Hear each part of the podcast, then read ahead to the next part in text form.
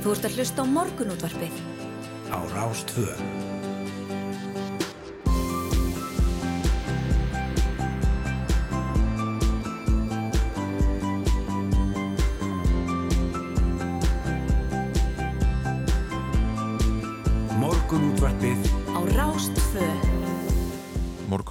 Býður, góðan dag, förstu daginn 9. september, klukkan 8.10 myndir í sjóðar Yngvar Þóru Snær og Sindaradóttir sem ætla að vera með ykkur hérna á þessum fína og, og milda förstu degi sem er nú ansi litaður einu máli. Jújú, jú, vissulega það, já, það má segja það heimur þessu breyttur í dag frá því þegar við vaknaðum í ger, er það ekki? Jú, jú, við tökum alltaf upp blöðin hérna í byrjun dags eh, og fórsýðu blaðina eru báðar ég byrja þess merkja að það var stórtíðindi orðið. Já, Elisabeth Önnur brettadrottning, hún uh, lést í gær, 96 ára aldri, uh, sá þjóðhungi sem hefur næst lengst ríkt í mannkins sögunni. Já, já, 70 ára valdatíð. Já, emitt, það er aðeins Lúðvík 14.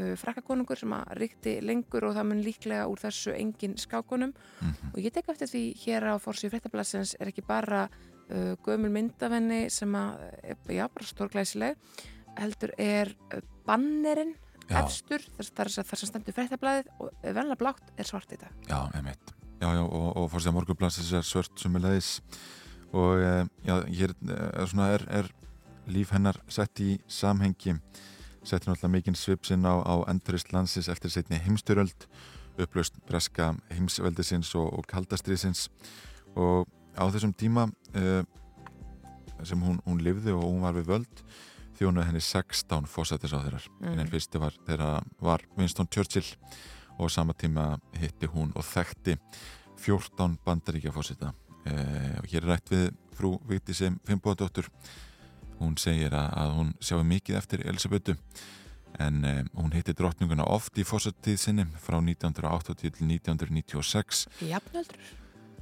Er Já, það? það. Eða svona næstu því? Já, það var svona tvær ungar konur að já, já, stýra, já, já, nákvæmlega stýra þjóð. já, já, Mér líði þannig. já, já.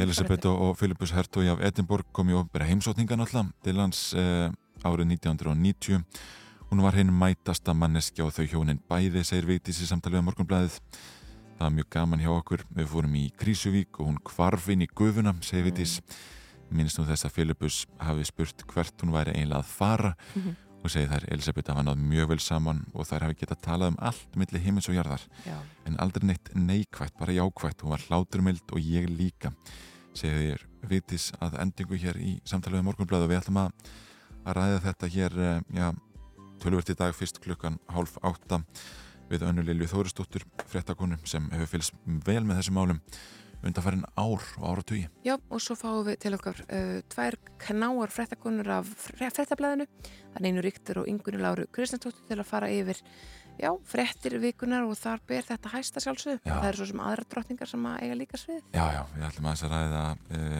dramað í kringum uh, LXS Já, þættina luxushópin. Luxus Open og, og mögulega Já, það var náttúrulega landsleikur líka vikunni, Ná, stórmerkilega landsleikur uh, og uh, Liz Truss tók við.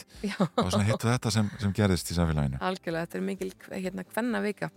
Uh, hér inn í fréttablaði er eh, sko lauslega farið yfir æfi og störf Elisabethar annarar uh, en fyrst og fremst er þetta, þetta myndasíða.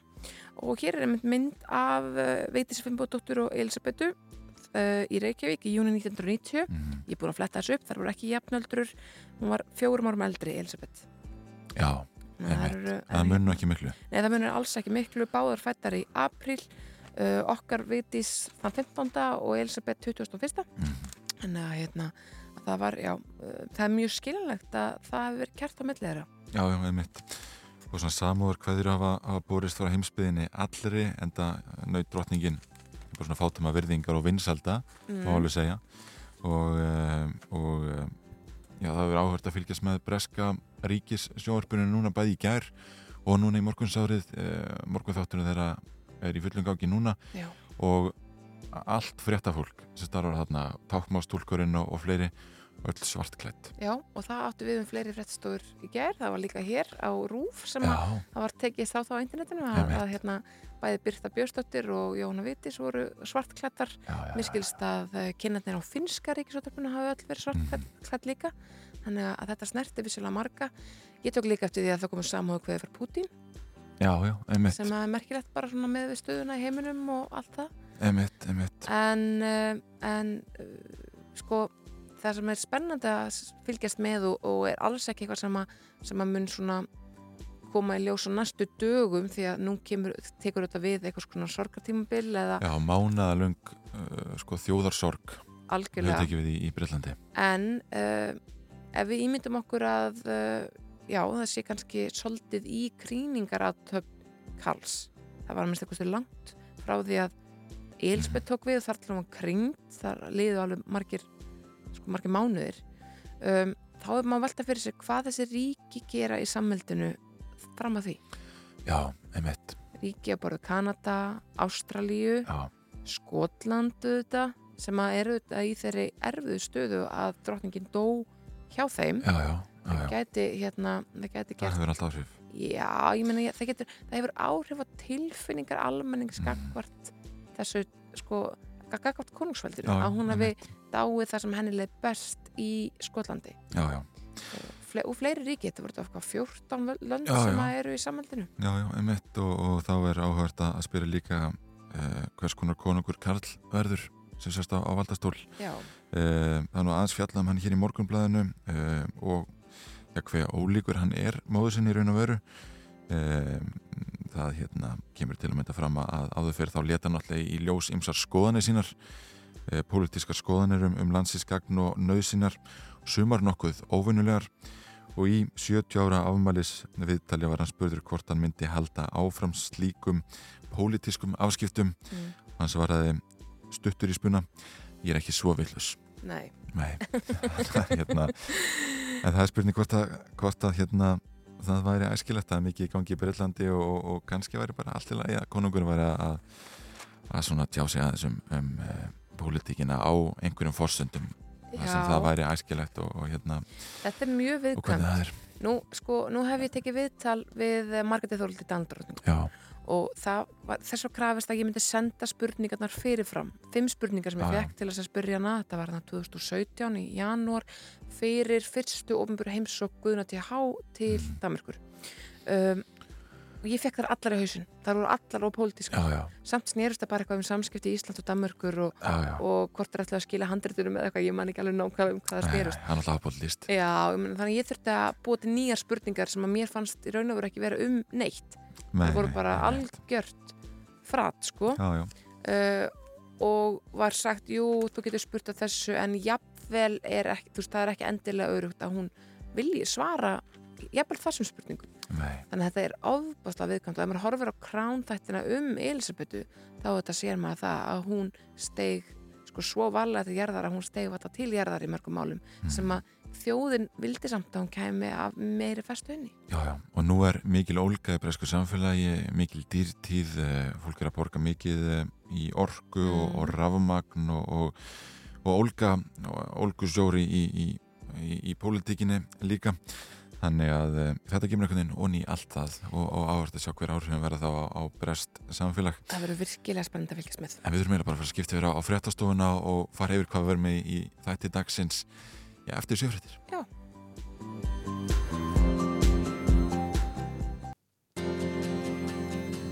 Þú ert að hlusta á morgunútvarpið. á Rástvö.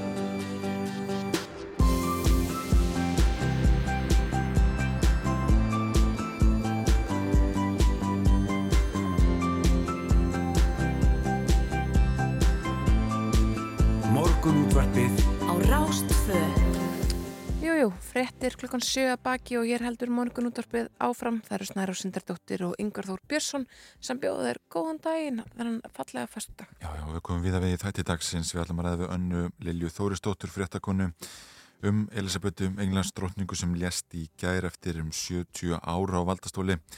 Við ræðum við hana, já, um hálf átta, bæði um þennan merka þjóðingja áhrif andlátsins ábreið samfélag og ekki síður það sem tekur nú við. Já, það mitt og svo ætlum við uh, að ræða við í fréttum vikunar við Það er Nínu Ríktir og Ingun Láru Kristjánsdóttur blaða konur á frettablaðinu og það verður, uh, já, fretti vikunar verða ansi litaðar af drottningunni og öðrum drottningum sem áttu Já. sviðið í þessari viku. Einmitt. Nú hér í upphafið þáttar allir var að ja, eldfluga fyrirtækið Sky Aurora en samgöngustofa hefur gefið út leifi til skoska eldfluga fyrirtækisins til að skjóta upp einni tilrauna eldflug frá Íslandi. Mm. Eldfluginu verður skotu upp einhver tíman á næstu dögum eða vikum á Langanesi en Aurora hefur líst því yfir að umrætt tilrauna skot eigi að verða stæsta gameskot frá Evrópu til þessa Mm. og við ætlum að heyra í Byrni S. Lárusinni sveitastjóra langanes byggðar máli var rætt á fundi sveitastjórnar í gær og það voru nú æskilegt að sveitastjórnin myndi bara skella sér upp með flöginni Er það? Eh, Talandi það um... kannski kemur ekki alveg strax að en, hérna, en þetta, er, þetta er áhugavert og, og, og eh, já bara gott að Ísland tekur þátt í eh, einhverju svona vísinda til raunum Gamekaplubi. Það er mjög spennandi. Uh, talandi um flug, þá ætlar Hjálmar Svensson borgarfulltrúi að koma til hver en hann benti í gæra á nýja skýrslu um Reykjanesið á Facebook síðu sinni og dróð þær álöktunir að, af þeirri skýrslu að þrátt fyrir alltaf væri fyrirhugað flugvallastæði í kvassarunni það örugasta á svæðinu með tillit til eldsumbrota hann ætlar að ræða þessi mál við okkur hér rétt fyrir átta en í lokþáttar þá tölum við Át- Árna Artþórsson því að líf hans breytist á einni nóttu fyrir rúmi ári síðan þegar Taliban tóku yfir Afganistan á undravert skömmum tíma en þá var Átni aðstofarektor og erunnar enn American University of Afghanistan í Kabul en þær þurftu að hafa hraðar hendur við yfirtöku Talibana, eigða gögnum, reyni eftir fremsta megni að bjarga nefndum á landi og halda skólastarfinu áfram með allt öðrum og ólíkum hætti. Og hann verður gestur okkur dag og segir okkur frá þessum umröta tímum sem hann hefur lifað já, undarvarna mánuði. já, mjög áhugavert.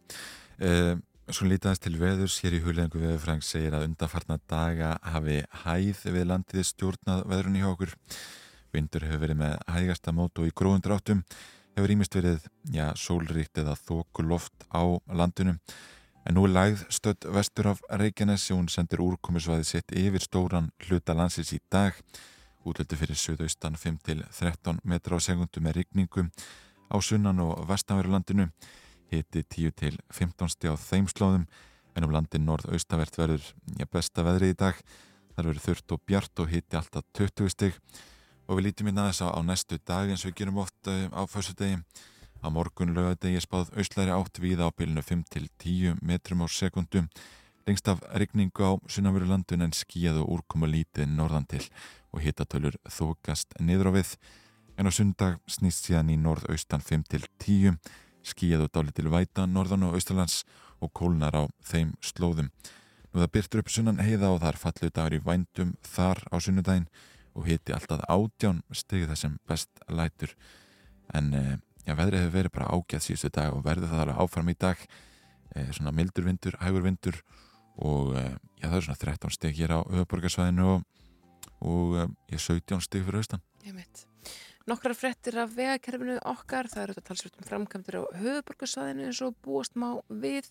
Á söðu vesturlandi er unnið að viðgerða brú yfir Laxá í Kjós og þar er hámarsræðan niður í 15 km á klukkustund. Það er sérst lutur hægt sem Já. ok aka yfir þessa brú. Á vestfjörðum er unnið að eh, lagfæringum á bæði Haldán og Dynjandis heiðinni. Á Norðurlandi á milli Blöndós og Söðokroks yfir Þverafjallið getur orðið umferðtafir vegna smulunar. Það er Já, komin, já, uh, það er hérna, smalatíði núna. Sá tíma ásins Jú, jú. Og á Suðurlandi þá eru kvikmyndatökur á, grafningsvegi neðri. Þar er hraðin tekin niður en allar helstu leiðir á hálandinu eru opnar. En einhver, ég tók eftir því í morgun að það hefur ekki verið jafn dimmt þegar við fundi vinnu í langan tíma. Já, já, Það var óvenju mikið myrkur og því held ég þessi gott að spila þetta lag eftir Múkisson. Það komið að því.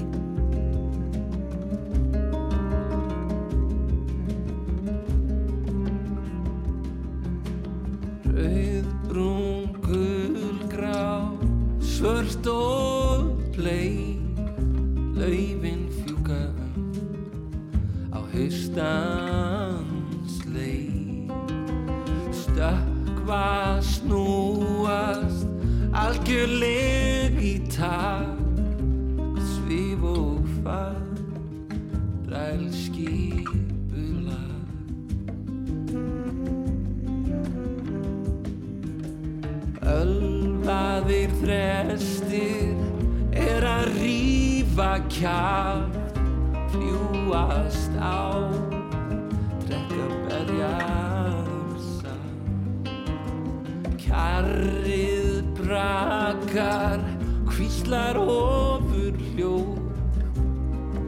vangaðu við mig í alla nótt.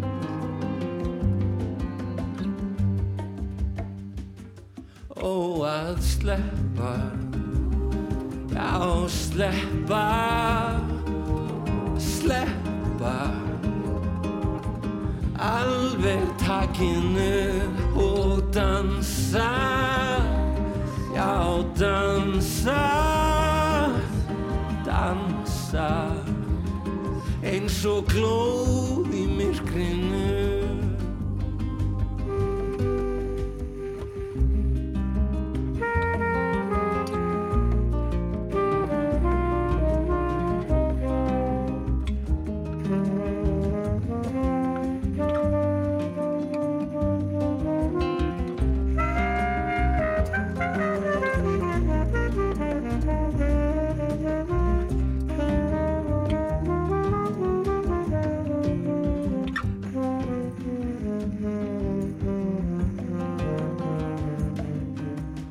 Vindurinn ögrar, kýtlar þrútin er Sýr dans allra dansa, sí hænu skref. Regnið trommar, von í brjóstinn þreif Að saman við þurfum ekki að hræðast,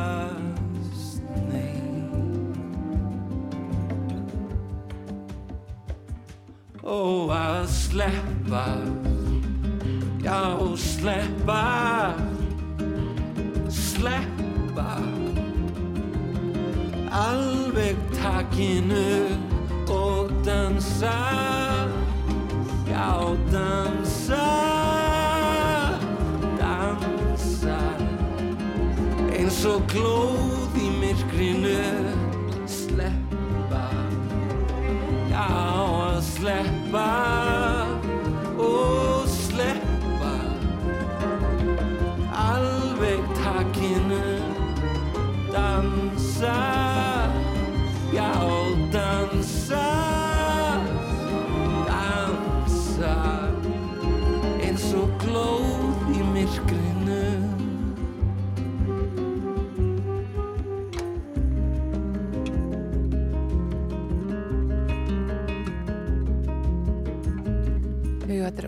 haustdansin með Múkisson, þetta er glænýtt frá honum. eins og glóð í myrkrinu. Þetta er, hérna, þetta er, þetta er, haustbragur yfir þessu. Já, en uh, við höfum verið að ræða töluvert uh, fráfall drottningarinnar hér í morgun og uh, það er frétt hér á vefrúf um næstu dag, hvað tekur núna við undirbúningin að útför drottningar. Og það er í mörgu hortnað að líta næstu daga í kjölfar andlátsins en uh, arftaka ráðinu er ætlað að koma saman í St. James Höll á laugardaga morgun og ráðu lýsið í formlega yfir í ávarpi af svölum allarinnar að Karl III verði arftaki Elisabetar. Já, hann hefur auðvitað þegar tekið við völdum og greint var það í gæra hann ætli sér að halda áfram að heita Karl Já, sem sagt af því að það, já, það var ekkit alveg sjálfsagt. Það nei, er nei, nei, nei. alls konar hefði fyrir því Breitlandi að, að hérna, þau heiti millinöfnunum sínum og hann hefði getað heitið Georg og hann hefði getað heitið Artur og alls konar en uh, hann hefði búin að býða eftir þessu augnablikki 74 ár Mhm. þekkist sem Karl og ætlar að verða Karl þriði og það gaman að segja frá því að Karl annar, hann var af ætt stúarta satt við völdu á 17. öld en uh, nýji konungurinn hann veitir fórsættisræðura, ríkistjórn og leiðtögum stjórnar andstöðu áheyrt auk erkibiskupsins af Kantaraborg og prófassins í Westminster Abbey. Em, þetta kemur hérna líka fram að fánum á ofinbjörnum byggingum og víðar þeim verið fluggaði í, flaggaði í fulla stöng meðan á samkomu arftakar á sér stendur en að sólarhing liðnum verða þær færðir í hálfa stöng og þannig verður þar eh, já, verður þannig staðan já, þangað til að- eh, já, útför drottningarinnar hefur átt sér stað og alveg e, já, einn dag í viðbót og kista drottningar verður flutt frá Balmoral höll að Holyrood House ofinböru aðsetri þjóðhauðingjas í Skotlandi og að lokinu minningar aðtöfni í St. Giles domkirkjunni þar sem konungsfjölskyldan minnist drottningar veru kirkjan opin almenningi í sólaring. Já, það var nefnilega svolítið misklingur í gæringvar, sá ég á internetinu, að margir heldu að af því að fólk var að googla þetta allt saman og, og það þekkja þetta margir Operation London Bridge sem að, sem að stóð til að færi gang þegar að, að drottningin uh, fjalli frá. En að því hún var í Skotlandi þá heitir það Operation Unicorn. Já, já. og þá heldur margir að þetta, Operation Unicorn væri bara eitthvað allt annað og þar með væri Operation London Bridge úr sögunni. Það er ekki alveg þannig. Nei, nei. Operation London Bridge og Operation Unicorn eigið sér staður en voru samtímis. Þetta eru starri, þetta eru starri aðgerðir en svo að, að önnur útur ekki hina. Uh, þannig að það sem gerist eins og þú fórst yfir það þegar kistan verið flutt frá Balmoralhöll er að hann verið flóið til Lunduna og fyrst í Böknum hallar ofinbærs bústæðar þjóðulegt á Breitlands og þaðan fer hún í hátilegri líkfylg til Westminster Hall mm -hmm. þar verður haldin stutt aðtöfn en eftir það getur almenningur heimsótt kirkuna í fimm sólarhinga til að votta drotningunni verðingu sína í 23 klukkusundur á dag já, já. Uh, og það tilkynningum dagsetningu útvarir kemur svo frá herðinni. Já, já, útvar hennar verið gerð frá einmitt vestminister Abbey og við búið að aðtöfni verði já, fjölsótasta útför allra tíma, segir hér. Konusfjölskyldan, ráðamenn og þjóðarleitur verða viðstættir almenningur safna saman á götum úti auk þessum líklegt þykir að já, miljardar, segir hér, fylgis með í getnum sjóvarp og aðra miðla. og tveggja minnuna þögn verður um allt breytaveldi en að lokinni aðtöfnu verður kista drottningar flutt til Vindsor Kastala þar sem Elisabeth verður lögð til hinstum kvílu. Og það má örgla búið því að þangað munir fólk streyma bara já, að minnst ekkurstu allt þetta ár. Já, já, einmitt. Er það ekki líklegt? Það má alveg farslækjara ráð fyrir því held ég. Algjörlega. Þú ætlum að spila eitt af músík og svo ætlum við að ræða gimflöðaskut frá Langanessi. Þetta er Afraid to Feel með Edlef System.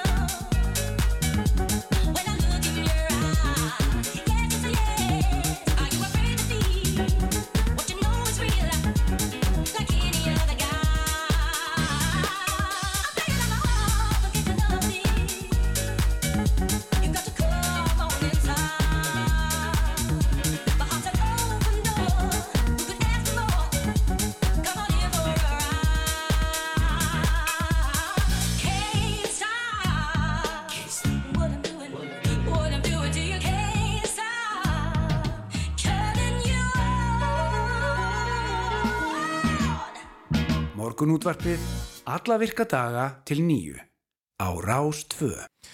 Morgunblæða grindur á því í gæra samgöngustofa hafi gefið út leifi til skoska eldflöga fyrirtækisins Skyrora til að skjóta upp einni tilrauna eldflög frá Íslandi.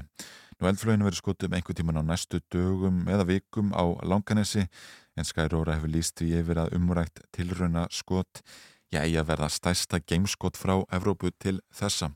Og Björnes Lárusson sveitastjóri Langanesbyðar er komin á línuna, góðan daginn. Góðan daginn Björn, Þarna hefur hann, það verður eitthvað það slitna hefur slitna sambandið, það Heyrðu, spyrir hvort við reynum að, að heyri honum Ég aftur. er bara, bara skella á og ringi hann aftur. Já, ég held að það sé um að, um að gera. Við þurfum að, að ræða þessi málins og önnur. Eh, Sjáum kannski já, Já Björn, það slitna slitnað eitthvað sambandið hjá okkur? Já, Ég var aðeins að fara yfir þetta uh, eldfluga skot Skyrora. Ætla að skjóta upp einni tilruna eldflug frá Íslandi og, og einhvern veginn á næstu dögum eða vikum á Langanesi. Sko hvað, hvað verður til þess að skost eldfluga fyrirtæki velu Langanesbyð til að skjóta upp eldflug? já, þeir segja okkur allavega að uh, þeir skutu hérna upp til eruna flög uh, árið 2020 og þegar þeir gerðu það þá tókst bara mjög gott samstarf við yfirvöld á Íslandi og hér í Langanisbyggð Já, og þeir voru ákvæmlega ánæður með við tökurnar og undirbúningin og hvernig hann gekk fyrir sig. eh, móttökur og allt saman og þess vegna ákváða þeir að koma aftur en um ástæður þess að þeir velja langanis það er mér ekki kunnugt um. nei, ég veit. En hversu mikið umstang er þetta? sagt? Er verið bara eins og, eins og það NASA skýtur upp eldflug? Er þetta hérna, eitthvað í líkingu við það? Nei, nú er ég ekki taknilega, uh, hef ekki taknilega þekkingu á því en uh, þeir, uh, já þeir uh, uh, allavega völdu, völdu það að koma til okkar og þeir, þeir, þeir segja að þetta sé styrki samband uh, sem sagt Íslands og Eurósku geimfröðstofnunar Mhm. stofnarinnar og, og ennfremur að þetta getur leitt til þess að, að uh, þekking allavega frá þeim kom til Íslands og þetta getur leitt að jafnvel til einhverja nefndaskipta á milli og svo já. En þetta er tölverður undirbúningur hjá þeim og þeir kalla þetta enda á sko, hugsanlegt sko því að það er tölverður undirbúningur eftir. Hvað okkur varðar hér á Þórsöfn að þá er það einfallega það að við uh, látaðum til land sem að sem að sveitafélagið á á Brimnesi og leiðum þeim það land og þar búa þeir til skotpall og, og leggja smá veg að skotpallinum og síðan náttúrulega nýta þeir þá þjónustu sem er hér á Þórsöfn uh, bæði uh, Björgunarsveitin uh, Björgunarsveitin Hafliði sem hér er sem að veitir þeim aðstóð lögregla og, og, og fleiri sem að koma að þessu hérna. Auðvitað kaupa þeir þjónustu hér og, og við erum aldrei upp með okkur að, að langanir skildi verða fyrir valinu. já, já. Sko, þetta svæði sem er nýta, uh, er þetta í eigu einhverja einstaklinga eða er þetta í eigu byggðarinnar? Hvernig, hvernig er það? Eh, Þetta land Brimnes, það sem, eh, Brimnes, það sem að eh, þetta hugsanlega skott fer fram, það er í eigu sveitfélagsins og við uh, gáum leifi sem svo fyrir því að nýta það svæði en þeir uh, þurfti að sækja um mun fleiri leifi frá fleiri stopnunum uh, ríkisins og, og þeir kynntu sem sagt fyrir okkur bref sem að samgöngustofa hefur gefið út í gær og það var lagt bara fyrir sveitastjórn til kynningar. já. Þannig að öll, öll þau leifi sem að þeir hafa verið að, að undirbúa núna í marga mánuði að þau liggja fyrir já, já. og þá er það bara þeirra sem sagt tæknilegi undirbúningur og annað sem að sem að liggur fyrir og, og þeir, eins og ég segi, kalla þetta enda hugsanlegt skot því að það er margt eftir að gera enda. Já, já, einmitt. Sko hugsanlega skot að tala um það mitt inn í morgunblæðan að eldflöginu verið skotu upp einhver tíman á, á næstu dögum eða vikum á langanis en leiði gildi út út oktober allavega. En, en þeir segja líka að þetta ég gæti orðið bara stærsta gameskot frá Evrópu til þessa og, og sé liður í því að skjóta fyrstu eldflögin á sporbraut umhverfis jörðu. Uh, þetta er vantilega þetta er vantilega stórt verkefni og þetta er vantilega sko, umfangsmikið á þessu svæði sem, sem umræðir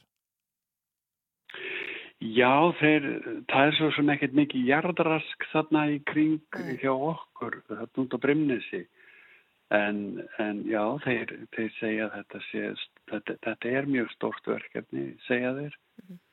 og krefst gríðarlega mikið undirbúnings mm. og, en, en við verðum í sjálfur sér ekki mikið, mikið vörfið uh, umstangið þeirra hér á, hér á Þórsöp sko, og og þessi, þessi skotpallur sem að, að við heimiluðum að skjóta upp þetta er í rauninni bara púði sem þeir byggur tilskiptum jarði og settu púða undir og, og, og svo er einhver pallur settur undir sem að ég kann ekki skila á Já, já, einmitt. En börnin í bænum hljóta að vera spennt og já, jafnvel aðrar íbúar. Er möguleiki fyrir já, íbúa langarnarsbyðar að koma og sjá þetta þegar þetta loksins gerist og ef að þessu verður?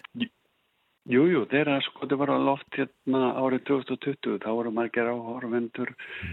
en uh, Björgunarsveit og Lörglamunu að sjálfsögðu þá uh, útbúa sérstatt svæði þar sem að fólk getur hugsanlega fylst með og og, og séð hvernig þetta verður og vantanlega þá munir þeir tilkynna með einhverjum fyrirvara uh, þegar þetta hugsanlega skott verður. Mm. Er þetta sko þekkt að börn verða svolítið inspirerið af svona viðbörðum sem getur jafnvel lita lífið til lengra tíma? Eru þið undir það búin að eignast fyrsta já, fyrsta geimfara rauvarhafnar eða þórshafnar hérna. Já, ég held að við hugsun ég held að við hugsunum ekki svo land Nei. en auðvitað, auðvitað eru við spennt fyrir þessu og, og, og upp með okkur að aðdeglinn beinist á okkur í, í að þessu tilefni. Já, já, nákvæmlega. Herri Björners, Lárusson Sveitastöra Langanes byðar, takk fyrir að vera línni hjá okkur í morgunundarpinu og ræða Takk. Já, þess að tilur nefnflug Takk hérlega Já, þetta er mjög spennandi. Já, ég veit mitt. Ef ég farið drottningin af Breitlundi og hefði dáið, þá held ég ég myndi alltaf að skjóta mér upp.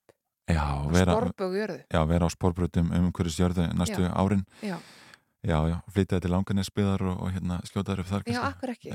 Mér, sko, ég, nú vona ég að fólki finnst þetta ekki mjög óviðendum en ég er samt að bara ef ég væri drottningin þá myndi ég kjósa það miklu frekar heldur en að að vera uh, gemdi í ykkur hverfi í London. Já, já það, er, er svo sem hérna ákveðið sjónamið Líka bara af því að eins og ég var að nefna hérna hún er þetta drottning samhæltisins og, og hérna uh, Breitland var hér einu sunni sko ríkið sem að það sem sólinn settist aldrei af því að það náði einhvern veginn yfir sko allan heiminn Já, já, nákvæmlega, nákvæmlega Þannig að ég held að það væri bara viðeigandi fyrir þjóðhengja sem að, að uh, já Já, já, við, all, við ætlum að ræða drotningunni hér næst. Eh, Anna Lilja Þóristóttir fréttakona er eh, að koma sér fyrir hjá okkur. Eh, við ætlum að fá fréttafilitt núna klukkan hálf átta og, ræða síðan.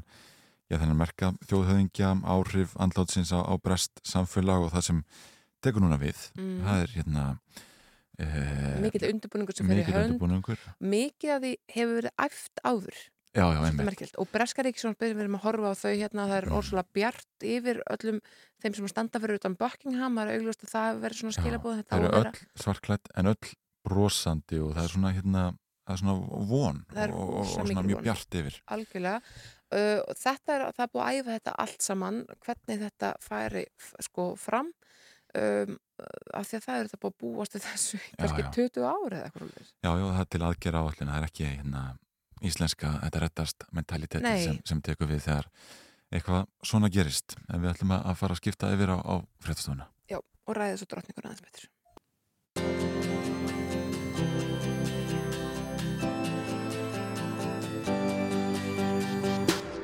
Þú ert að hlusta á morgunútvarpið á Rástvöðu. Jújú, fréttaði litað baki og, og morgun útvarpið heldur hér áfram og yngaði komin Anna Lilja Þóristóttir fréttakona. Góðan daginn. Góðan dag. Við ætlum að ræða Elisabethu Britta drottningu uh, tölupun að ræða útförun í dag en eins og hirmindi fréttum þá já, ætlar uh, Karl III nýr konungur Britta að ávarpa þjóðsinn í dag mm -hmm. uh, við hverju maður búast við því ávarpi og, og, og maður búast við því að já, Karl konungur já, verði líkur móðu sinni í þessu hlutverki Ekkert endilega þetta er náttúrulega bara annar einstaklingur er að taka við á allt öðrum tímum og vissulega allt öðrum aldri. Elisabeth var 26 ára þegar hún tók við árið 1952 Mm -hmm. og svona á, ég miklu svona uppbyggingar tímum í Breitlandi, þetta var fáinum árum eftir heimstyrjaldina segari, það var þörfa mikill uppbyggingu og hérna þarna tekur hún við ung kona, ung móðir, verður svolítið svona tákn nýra tíma mm. kannski akkurat það sem þjóðin þurfti á að halda þá og það er kannski eina af já, skýringunum fyrir því að hún hefur haldið svona vinsaldur sínu svona vel og tekist að vera samanningaták í gegnum allar þessar ótrúlega þjóðfélagsbreytingar Já. sem urðu á hennar valdatíð. Uh, Karl er fættur 1948, hann verður já, 74 ára síðar í ár í november og þó að, sé að, viss, að sjálfsögur geta að setja allt á aldur fólks, útskýr allt með aldri, þá já, 74 ára gammal maður er kannski ekki svona tákn nýra tíma Nei. og vonar Nei, nei, og það verður náttúrulega líka að hafa í huga að núna, rétt eins á 1952 þá eru erfiði tímar hjá breytum. Mhm. Verðbólga hefur ekki verið jafn mikil í hvað, 40 ár, mm. það er orkukrísa þjóðin er já, ennþá bara klófin í Brexit Já. og veitum, nýbúið að vera svona forsættisráð þegar krísa líka þannig að hann er að koma inn á já, erfiðum tíma rétt eins og Mm. mamma svo það er nú bara áhugavert að sjá tekst honum að vera áfram þetta saminningar ták Einmitt. Sko, ég held að sé ótt að segja að, að fólk hafi aðeins slakað á gagartónum undanfærin ár. Það, það er ekkert svo langt segjan að fólk hugsaði hann verður aldrei konungur af því að það vill enginn að verði konungur. Já, þetta er alveg rétt. Ég held nefnilega sko að viðþór, ég breyta og bara heimsbyðarna allar, allar, allir sem hafa svona áhuga á þessum málum, hafi einmitt breyst, sko, mar- margir mun eftir frægu viðtali sem Diana Prinsessa var í BBC ára 1995, þar sem hún sagði að Já, Karl yrði líklega ekkert sérstaklega góðu konungur og hann hefði bara mjög takmarkan áhuga á því ennbætti. Mhm. Það voru mjög margir sem tóku undir það og hans svona skoðanir fólks á þessum tíma og svona, já bara næstu árin mótuðust líka kannski bara svolítið af þessum átökum þeirra þessara hjóna Já. sem síðan urðu fyrverandi hjón Mm -hmm. og svona engalíf Karls náttúrulega konan sem hann hjælt við og giftist síðar Kamila, Já, þau voru alltaf þrjú í hjónabandinu og allt þetta, þessi setning. það er frægt, það Mhm. sagði Díana einmitt í þessu sama viðtali Já, Kamila sem á þessum tíma, eða kannski fyrir 20-30 árum, var hataðasta kona Bretlandsegja, Mm nú er hún að vera drottning. Já. já, er hún verður queen consort, er það ekki? Af því að hún er ekki, hún er ekki móðir erfingja. Það hefur líka þýðingu. Það hefur líka, sko, já, það hefur líka þýðingu, það er rétt. En hérna, það stóð nú ekki til að hún yrði Queen eitt eða neitt fyrir Nei. bara fyrr á þessu ári þegar Elisabeth tilkynnti það að Camilla yrði það Mhm. þegar hérna Karl tæki við. En það, sko það verður nóg að gera hjá breytum bara á næstunni, það er náttúrulega, nú tekum við sorgatímabil, já, já, mánaða langt sorgatíðinbilið ekki mánaðalangt Já. sorgatímabil og hérna þannig bara aflýsa einhvernum verkföllum sem átt að vera á næstunni hjá starfsmönu postsins og hérna bresku jábröðana. mm Uh, Karl þarf náttúrulega að taka við og hérna það er óvist náttúrulega hvenar kríningin verður. Já. Sko þegar hún, hérna Elisabeth var ekki krýnd fyrir en ég hátti einu og hálfur eftir að hún var drottning en það helgaðist kannski líka því að það var ekkert búist við að pappinar væri að fara hverja. Hann var 56 ára þegar hann dó, 40 árum yngri heldur en dóttir hans. Mhm. Þannig að hugsanlega er komið bara einhver undirbúningur í gang að krýningunni Mm. og svo náttúrulega gerðaförin Mhm. já, já, einmitt sem er líklegt á að verði 19. las ég á Guardian í morgun. Já, einmitt September, eftir tíu daga. Já. Já, Mm. en, en er líklegt að sko hlutverk konusfjölskyldunar breytist eitthvað núna? Það verður nefnilega mjög áhugavert að fylgjast með því og hérna hvernig, hvort að það gerist. Það er líklegt Mm. vegna þess að hún, henni við tekist að vera þetta saminningatákn í gegnum alla þessa, allar þessar þjóflagsbreytingar.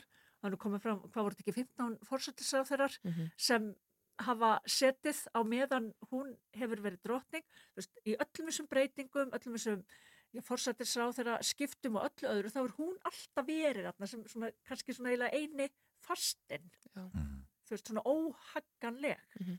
En það er, verið mjög áhugavert að sjá, einmitt, hvort að fólk, ég breytar sætti sig við áframhaldandi fyrirkomulag mm. með kongi, en semst að það sé komin einhverju stað fyrir Elisabetu og svo náttúrulega líka það sem Karl sjálfur náttúrulega gerði og hefur verið að gera, það hefur verið að í svona nútímavæða sem sagt konungsfjölskyldana, hann Mhm. til dæmis fækkaði þeim sem fá greitt og sem sagt úr ofinbæri fjö Mhm. bara fyrir að við, tilheyra þessari fjölskyldu hann er svona strömlínulagaðana og hérna hann er svona talsmaður þess að við verðum að já, svona, vera í takt við tíman hinn almenni breytir sættis ekkert við ykkur fjarskyldur prins, ykkur staðar, sé á himinn hafa launu bara fyrir að hafa fæst inn ykkur fjölskyldu. Nei. en hann svona já, hefur svona einfaldað allt í kringum, það spurning hvort hann haldi því áfram. Nú, hann alltaf, nú ræður hann allu En núna eru sko börn Harry prins orðin prins og satt? Eftir, eftir langa byð og, og mikið umstang. Jú, það er vegna þess að núna er afið þeirra Mhm.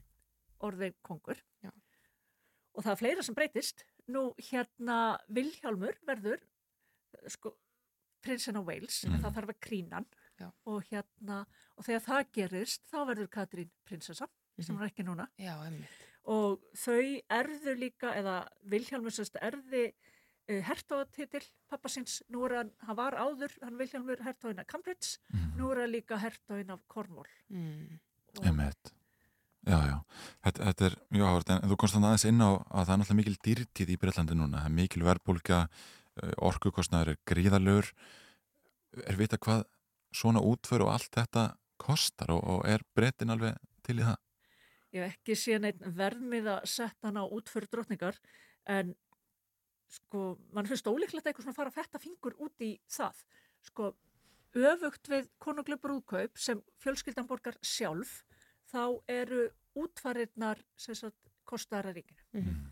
þannig að þetta mun náttúrulega verða tekið úr vössum breskra skattgreðanda en svona miða við bara það sem maður, hefur séð í breska fjölmjölu, þau bara sirkja sína drottningu það, þá finnst, finnst manni svona ólíklegt að einhverjir fari að það jú, eru verður einhverjir. Já, já, Já, ég meina þau hafa náttúrulega ekki þurft að, að hérna, ef þetta er ekki útgjöld sem koma á hverju ári, rétt þannig að það, er- það er langt á milli. en, en svo þið voru að spyrja já, hvernig konungu verður Karl já, hann verður, sko hann er klárlega best undirbúni ofnbyrja starfsmæður sögunar Já. hann hefur hérna, hann var krýndu prinsana Vils á 1969 en ég meina það náttúrulega leiði fyrir hann nýrði ríkisarfi Já. síðan mamma svar drottning á 1952 þá var hann náttúrulega bara fjóra ára einmitt. Við vorum aðeins að hérna rýna í, í fórsíða morgunblásins, það var að tala um Karl Konung þar uh, og það er talað um að hann hafi svona hérna svona verið örlítið uh, pólitískari en aðri svona látið í ljós ýmsar skoðanir sínar um, um landsinskarn og nöðsínar eða því að var spurðu hvort hann myndi halda áfram slíkum pólitískum áskötum svo er að hann er ekki svo vittlaus uh, heldur hann sé ekki, ekki svo vittlaus og heldur hann hérna látið að vera að, að svona tjásum það sem hann áður hefur tjásum Ég held að hann muni nú alveg stíga varlega til jarðar eins og fólki þessum stöðum gerir gegnan, gerðnan eins og ég sagði hann er alltaf vel undirbúin, hann veit nákvæmlega hvað fælst í þessu starfi, Mm. hann er alltaf geta leift sér ímislegt sem sumum við fundist hann að leifa sér á mikið Já, já. hérna en sko hann alltaf þótti rúslega skrítin bara kannski fyrir nokkrum árum, hann hafði áhuga umhverfisvend Mm. og hérna og lífrætni ræktun og það þótti óskaplega þetta þótti óskaplega skrítið Mm. kannski á 8. og 9. En svo hefur hann þótt skapstóra, ekki satt, Geg, svona gegnum áratugina og það sést aðeins í, í krán. það hafa borið svona ymsar fregnir af því Já. að hérna hann hafi hérna ekki sínt fólki alltaf til hlýðilega virðingu Mm. en við skulum vona þetta við elst af honum Já, ég meina, ef ekki þegar hann er 74 ára hvina þá, sko. Anna Lilja Þórustóttir, takk kærlega fyrir að fara aðeins yfir þetta og uh, við komum til með að tala meira um drottninguna hér eftir áttafrættir. Já, þegar við förum yfir fréttir vikunar fáum til okkar Nínu Riktir og Ingunni Lárum Kristjánsdóttur af fréttablaðinu. En í mildinni þá ætlum við að ræða flugvöllin í kvassarinu við Hjálmar Svensson borgarfjöldurva.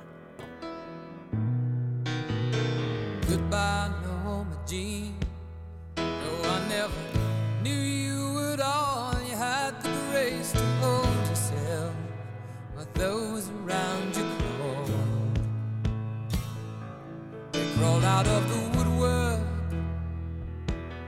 and they whispered into your brain. They set you on the treadmill and they made you change your name.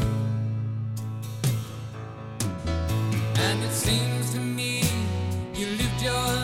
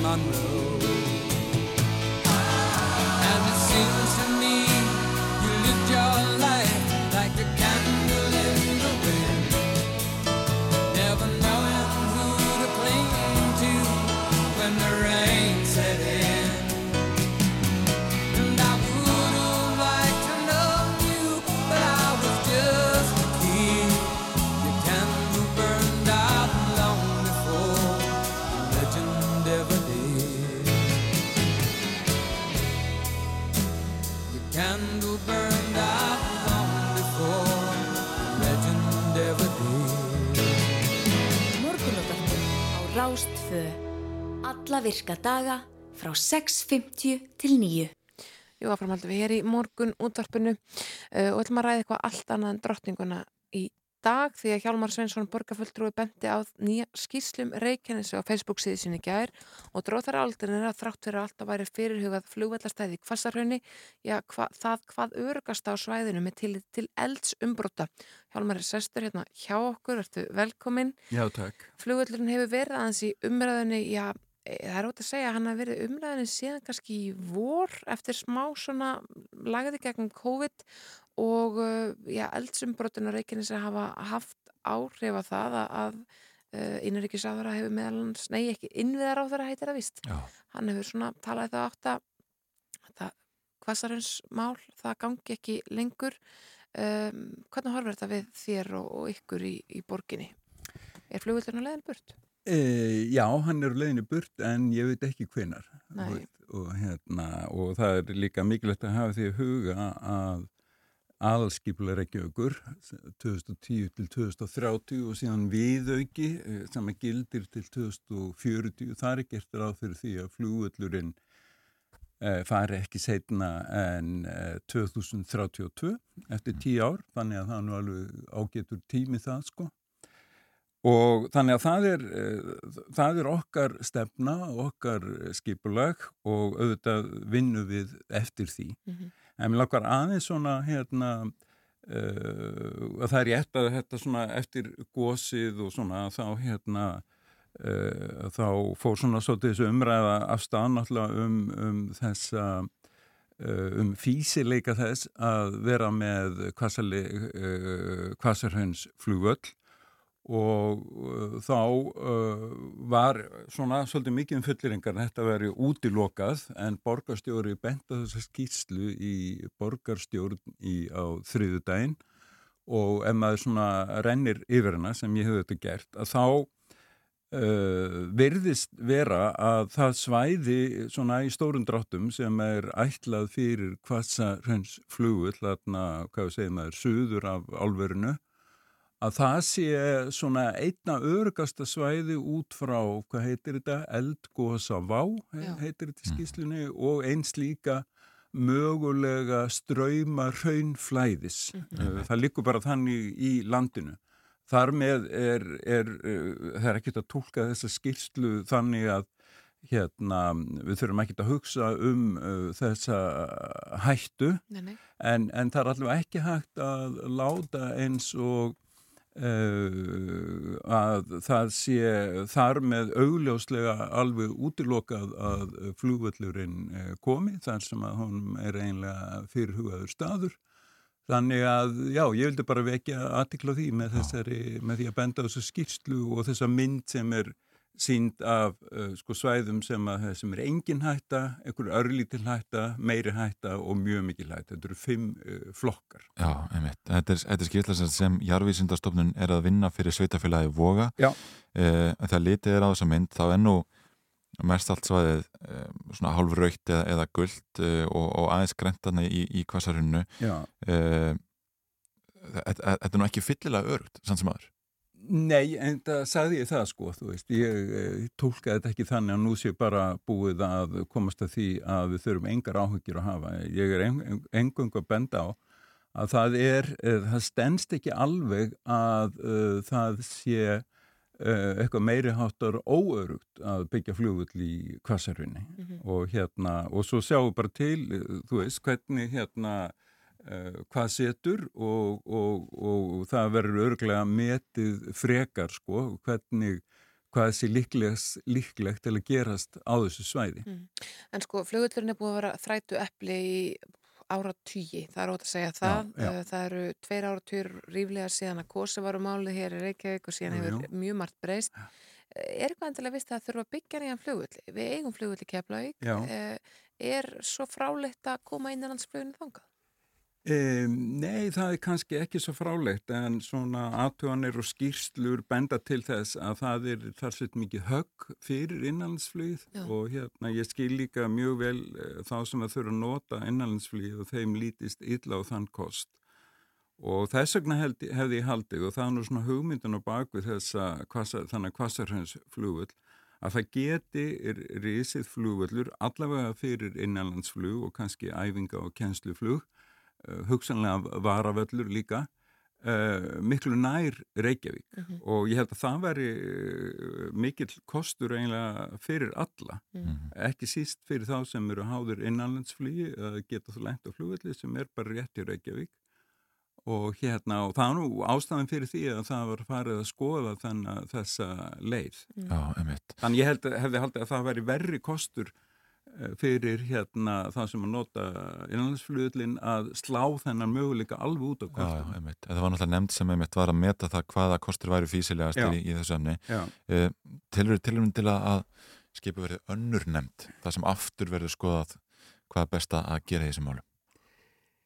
Æ, Ég veit ekki, ég var næstuð búin að segja er ekki komið nóg að þessum nefndum en ég ætla ekki að segja það, þú veist, það getur vel verið að verði þörf á því, sko og það þarf allavega að skoða betur að mínum að þetta sýnir skýrsla að það er alls ekki hægt að slá þennan möguleika alveg út á borðinu.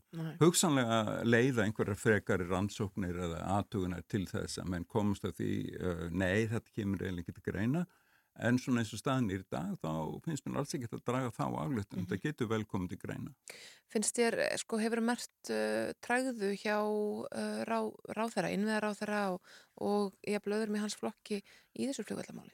Já, ég bara vil segja það að ég tristi Sigur Inga mm -hmm. og ég held hans er maður orða sinna og það eru ákveðni samningar í gangi frá 2019 og svo erum við með okkar samstarfsáttmála þessi meirfliti og, og þar stendur hverki að flugvellurinn uh, eh, hann eigi að vera Nei. en það er ekki alveg, en heldur er rauninni frekka gert af því að hann geti farið og að því tilskildu að það finnist annar góður kostur og, og hérna þannig ég held að það sé nú bara það sem gildi og, og uh, ég er vissum að Sigur Ingi hérna hann eh, uh, vil ekki Eh, annað en standa við þá samninga sem að gerðir hafa verið. Hjálmar Sveinsson, borgarfjöldur, takk fyrir að ræða fljóðlina þessu ykkur hér í morgunútarpinu.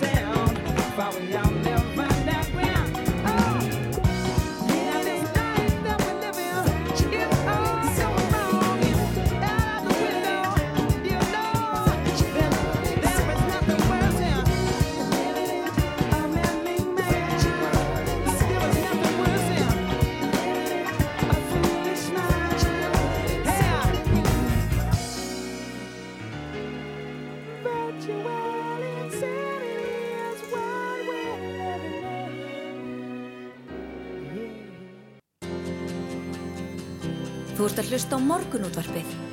Á Rástvöð.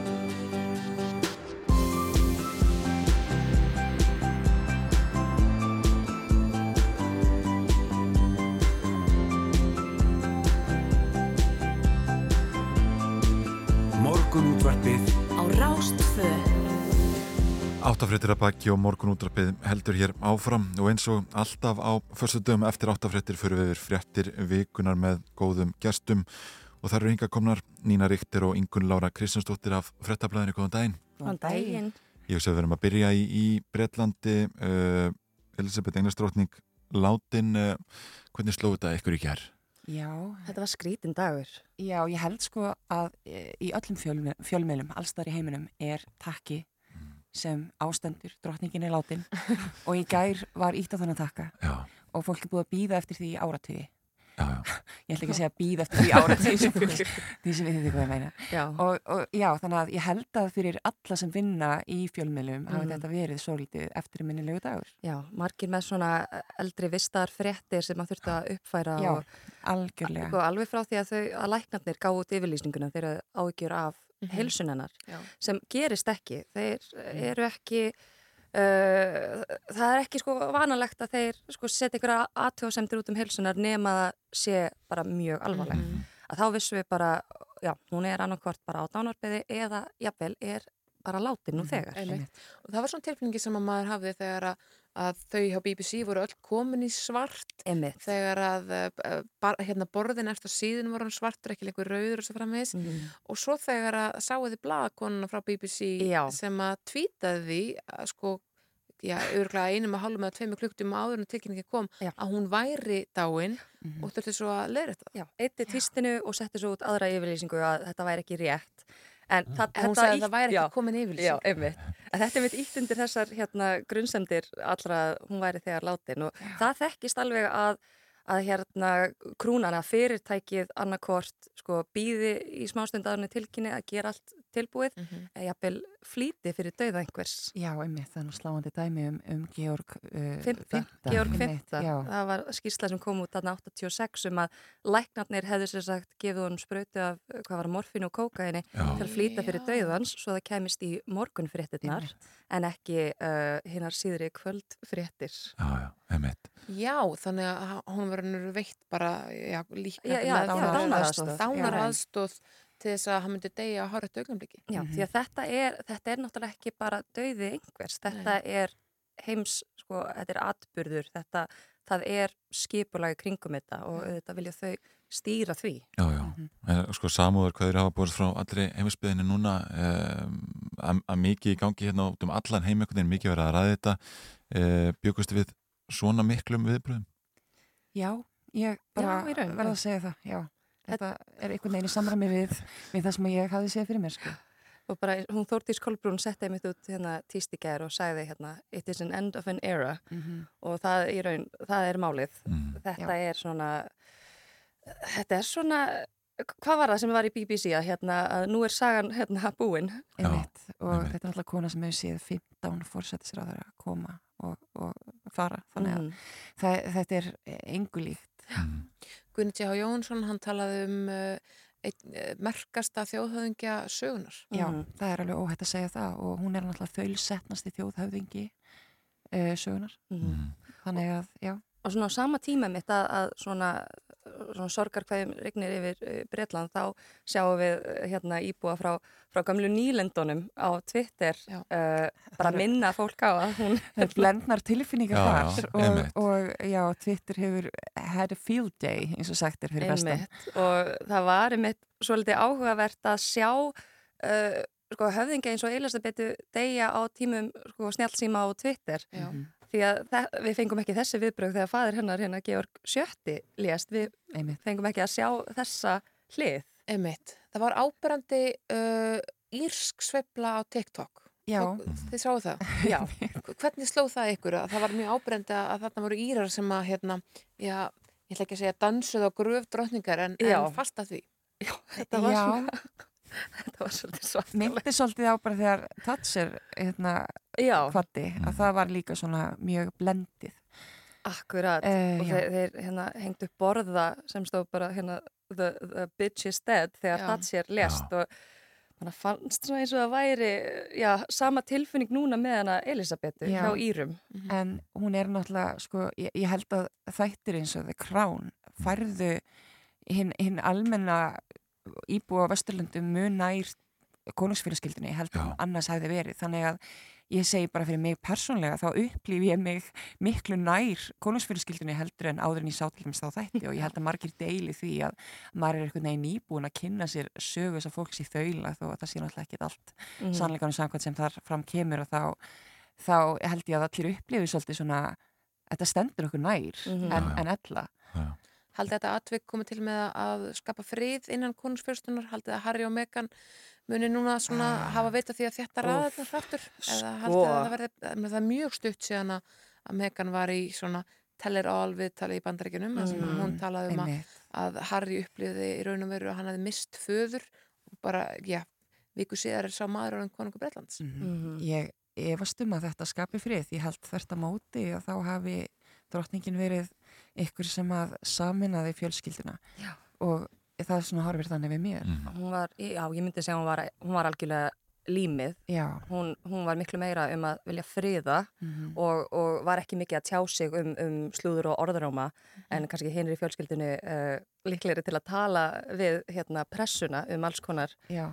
drama Já. og við sáum strax sko uh, bara rasista viðbrögðin við sko að allar konurnar þær eru eftir Já. og skýringin var svo að þær eru mæður og ætluðu að vera með börnunum og þetta er svona konan að sjá um fjölskylduna meðan mennirni far og kveðja drottninguna og, og nýr konungur kemur frá, frá Skotlandi Mhm. og konurnar eru eftir Mhm. og það var svo rosalega gaggrinni á Megan Já. bara af hverju er hún eftir byrðir ekki börnin hennar öll í bandaríkjunum jú, eh, kannski eitt barn með henni og bara, sko þetta, það er ekkert láta á þessu. Nei. það er sama hvað þessi kona gerir.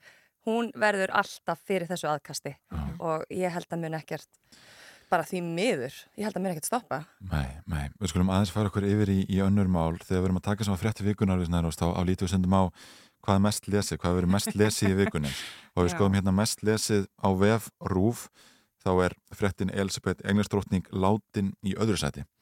Eh, langmest lesna fréttin er rauninni skoðanagrein Mhm. raunverulegi leiðilegasta fólks sem þú þekkir að gaggrinni nákvæmlega eh, þarna er verið að hérna, rýna í LXS eh, sjónvastættina mm. tala um að þetta séu einhvers konar heimildamöndum um frekar þurran vinahóp og, og sett út á hitt og þetta Mm. hvernig slóðu þessar deilur ykkur? Sko, uh, ég segi það sem kvikmyndagagrínandi og það er rosalega erfitt að fjalla um uh, íslenskt, íslenskar framleiðslur verandi manneska sem þarf að afla sér þekkingar til þess að hafa vettvang til þess að fjalla um sjónvarp eða Mhm. bíómyndir.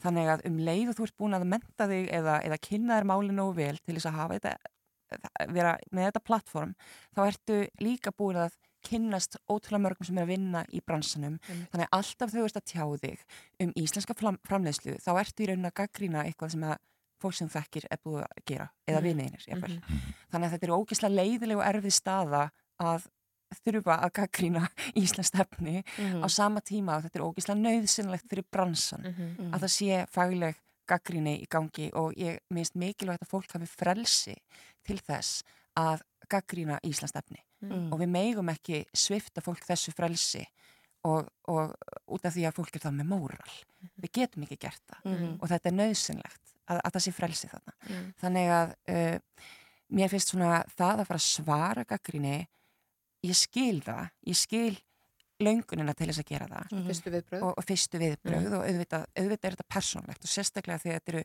þættir sem fjalla um ykkurt svona þetta er alltaf ekki þetta er ekki um þær, það, þetta er um karaktera sem þær eru að leika, ég held að það sé Mhm. óhætt að fullir það en samt þannig að, já, ég, ég skil báðar hlýðar en ég vil ekki áslöfa það minnst það frelsi mjög mikilvægt Mhm. Ég held líka sko að tónnin hafi farið í eitthvað fólk því að Salfur er uppistandari Mm. og hún er náttúrulega með ákveðin sko tón í gaggrinninni sem er bara fyndin og er svona spaug Mhm. Hún er þetta mentus viðslistum samt. Hún er, hún er sérfræðingur. Já, og, og þetta er bara, hún fer náttúrulega mjög djúft sko í þættina í þessari gaggrinni, þetta er bara ekkert hún að eitthvað að leika sér eða, eða bara eitthvað að djóka en uh, þetta er náttúrulega þekkt að, vera með, þú veist, með þinn tón í gaggrinni og, og þetta er mjög Mhm. vinsalt í Bretlandi að hafa svona gaggrinni Mm. sérstaklega hjá Guardian að flestir þar sem eru með gaggrinni eru með svona sinn tón, það er Mhm. þeirra rödd og ég held einmitt að það hafi farið svolítið í fólk, þú veist, eins og að taka þessu mjög alvarlega það sem hún var að segja til dæmis segja að hún veri bara hvetja til dýranið sem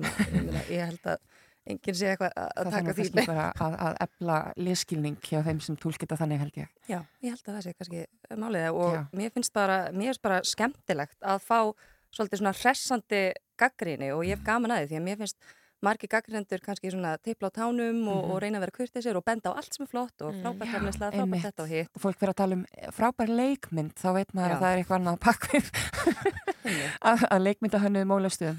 sko, það, það eru tveir svona núansar í þessari umræðu í vikunni annars vegar það að, að, eh, það hef, þessi gaggrinni hefði verið yfirvöldu kvennfyrirleikningu uh, ég var til að heyra hvað ykkur finnst um það en líka annar núans sem kom á móti var að, að þessar konur sem að eru í lúksushópnum séu nú ekki beint jáðsettur hópur heldur mjög, í raun og veru mjög valdamikill uh, Mm. hópur Mhm. sko, hvernig horfur þetta við ykkur, þessi umræða? Áhugavert einmitt með uh, hvern fyrirlitninguna út af því að sko, eins og bara Salvi segir í gaggrinni, hún elskar raunveruleika sjónvarp Já. og ég held að við elskum öll sko, að setjast niður í sjónvarp og horfa á bara algjörlega einhverja fróðu í sjónvarpi. Mm. Þetta á sinn stað í menningu, það er bara þannig og þetta er ákveðin svona mynd af þessari hlið svona raunveruleikan sem við elskum að horfa á og getum ekki svona hort framhjá og ég held að sko, mér finnst þetta ekki vera eitthvað svona skot á hvernig svona konur eru í raunveruleika þáttum út af því að þetta það er skemmtilegt og það er, hefur skemmtanagildi. Uh, já, ég veit það ekki. Mér, það, ég, ég tóka mér svolítið undir því að mér vantaði svona þetta krassandi element sem við búumst við í raunveruleika sjónvarpi. Já, mér finnst mjög hæpið að fara að kalla gaggrínanda vondan feminista fyrir það eitt að, að gaggrína vinnu kvenna. Og uh, já, ég er ekki samanlega því að þarna hafi verið kvennfyrirlitning. Mm. Uh, En er þetta valda mikill hópur, lúksushópur? já, auðvitað eru þær það, þær eru Mhm. það og, og ég held að það sé alveg bara, þær eru e, í toppnum fæðukjöðinni í, í þessum kultúr sko. og með þessi, með svona fyrirtæki bakvið sig, þetta er, á, þetta er náttúrulega massíf svona framleiðslu og þær sem uh, áhrifavaldar Já. er náttúrulega vanar því að þær eru að, að selja ef- efni og, og, og ímynd sína Mhm. á samfélagsmiðlum og þetta er svolítið að setja þetta yfir í sjónvarp það sem þær eru þegar að gera með sínum hérna, reikningum á Instagram Já, kannski er þetta líka bara þetta afhjúpar kannski Vá, ég verður örugglega tekin í lífi en, en hérna, þetta afhjúpar nú uh, svolítið hvað uh, er þarna á bakvið hvað er raunverulega er á bakvið líf áhrifavaldsins? Og kannski Já. er það ekki það sem fólk bjóst við að sjá. Já, Nei. mér leiðist bara að horfa á endalusar auðlýsingar ég bara, ég, Já, en það er það sem þetta er. Þetta er auglýsingastarf mm. Fyrst og fremst. En er þetta kannski bara raunveruleika, raunveruleika sjónvarp en, en m- margir þættir að þú veist, þannig er enginn að missa stjórn á sér og, og það er að fara á klúb og það er bara leiðilt á klúbnum og það er að fara heim einmitt. fara upp á hótelherbyggi Þú veist, er þetta kannski bara miklu nær raunveruleika fólks en, en Kardashian Já, meinar að, að við þráum kannski, við þráum leikin að kannski er raunveruleikin Já. svo þurr og svo óáhugaverður að við bara raun og veru Einmitt. hafi Birgitta Líf haft rétt fyrir sér eh, í þessari senu sem kom fyrir mig síðustu viku þegar Patrik Brei Hæmi var reyður þegar hún saði að þetta væri raunverulegasta raunveruleika sjónvarp sem hefði verið gert á Íslandi. Hugsanlega. Kannski er, kannski er það ástæðan fyrir að, að sem er kannski þú ekki þess að þætti er að þetta er að afhjúpa eitthvað ríkalega hverstagslegt og leðilegt bara í okkar lífi. Já, Já, það, það er möguleiki. Það er hérna ákveðin fyrstu dags pæling algjörlega. Herði, það er nú eitt og eitt annað sem, sem gerist í vikunni. Við ekki til að mynda að rætta þessum en að landsleik. Aðra drottningar sem að Já. þar voru einmitt, einmitt. Það er nú svekkjalsi að fá þetta marka á sig eftir að það var 90 sekúndur var eftir að leiknum. Mm. Já, nú erum við tvær ekki miklu ekki miklu, sportistar. ekki miklu sportistar, ég verði að viðurkenna Já, Það er Ég- óægt að segja að þið komið að tómum kofanum varandi íþróttagreiningar. Einmitt, en ég hef gaman að því að fylgjast bara með Twitter því þá veit ég hvað er í gangi. Já, einmitt. fá þetta bara svona beint í æð. Þetta er svona eins og norðurljósin. Ég, ég les á Twitter að segja norðurljós úti og ég er svona gaman. Gaman fyrir þá sem hafa áhuga því. Svo skrolla ég áfram. Já, fer ekki að kíkja á þau? Nei. Nei, einmitt. Nei, nei, en það er það ófrei heyriði, uh, sko helgin verður hún undurlögð af drottningunni eða hvað ætlið það að gera? e, Já það er náttúrulega tíu daga prógram uh, í bresku pressunni já, já. og það, ég, Í dag er stór dagur þá kemur Karl og ávarpar það er rétt Mm -hmm. Úf, á, ég fæ bara svona gæsa Karl konungur. Það verða þrjár kynslaður af uh, konungum, já, ef, ef það verður ekki lagt niður á, á Og þessum skrítið tíma. að heyra Liz Truss segja uh, God Save the King í ger. Það er mjög skrítið. Já. Líka skrítið að bara heyra Liz Truss ávarpa þjóðina um þetta. Já, einmitt. Nýr fórsettisráðura ekki alveg búin að establisa sig með breska almenningnum og Já, já, já. hún, hún kemur með Ingun Lára Kristinsdóttir og Nína Richter ég verða að stöðu ykkur af því að það er lag hérna sem er langar svo áfáðslega að spila að þessu tilöfni. Já. Þetta er uh, að sjálfsögur hljómsveitin Queen með lagið Who Wants to Live Forever.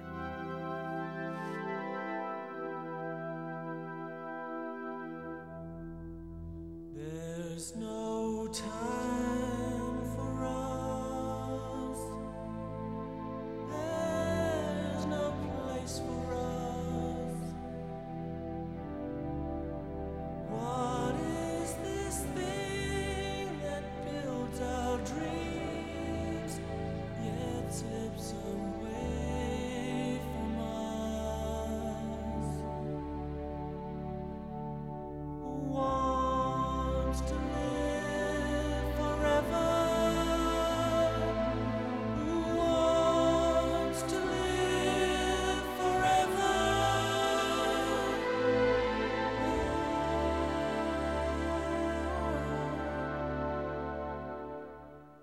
There's no chance for us.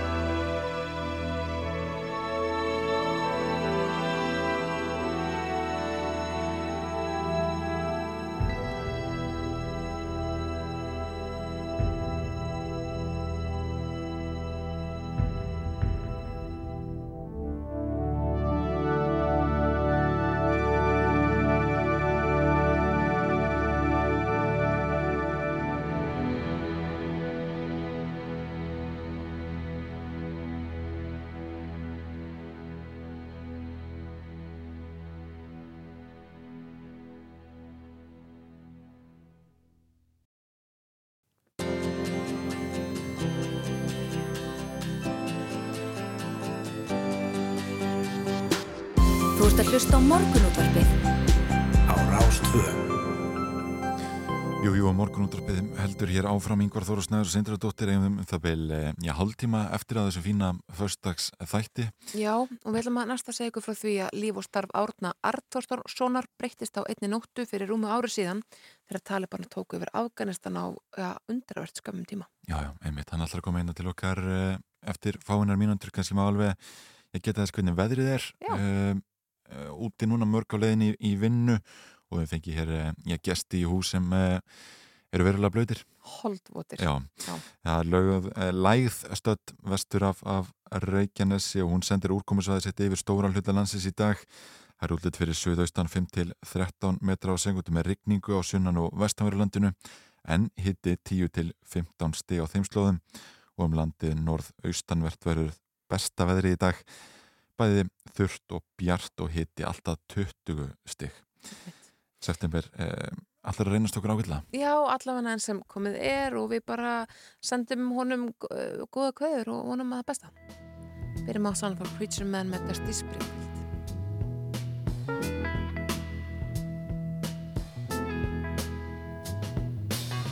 Billy Ray was a preacher's son, and when his daddy would visit, he'd come along. When they gathered around and started talking, when Billy would take me walking.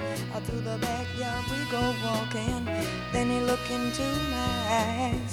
Lord knows to my surprise, the only one who could ever reach me was the son of a preacher man. The only boy who could ever teach me was the son of a preacher man. Yes, he was. He was.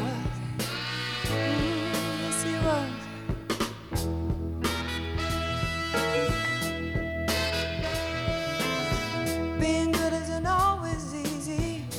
Matter how I try.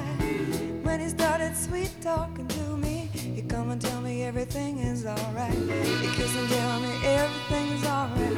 Can I get away again tonight? The only one who could ever reach me was the son of a preacher man. The only boy who could ever teach me was the son of a preacher man. Yes. He was.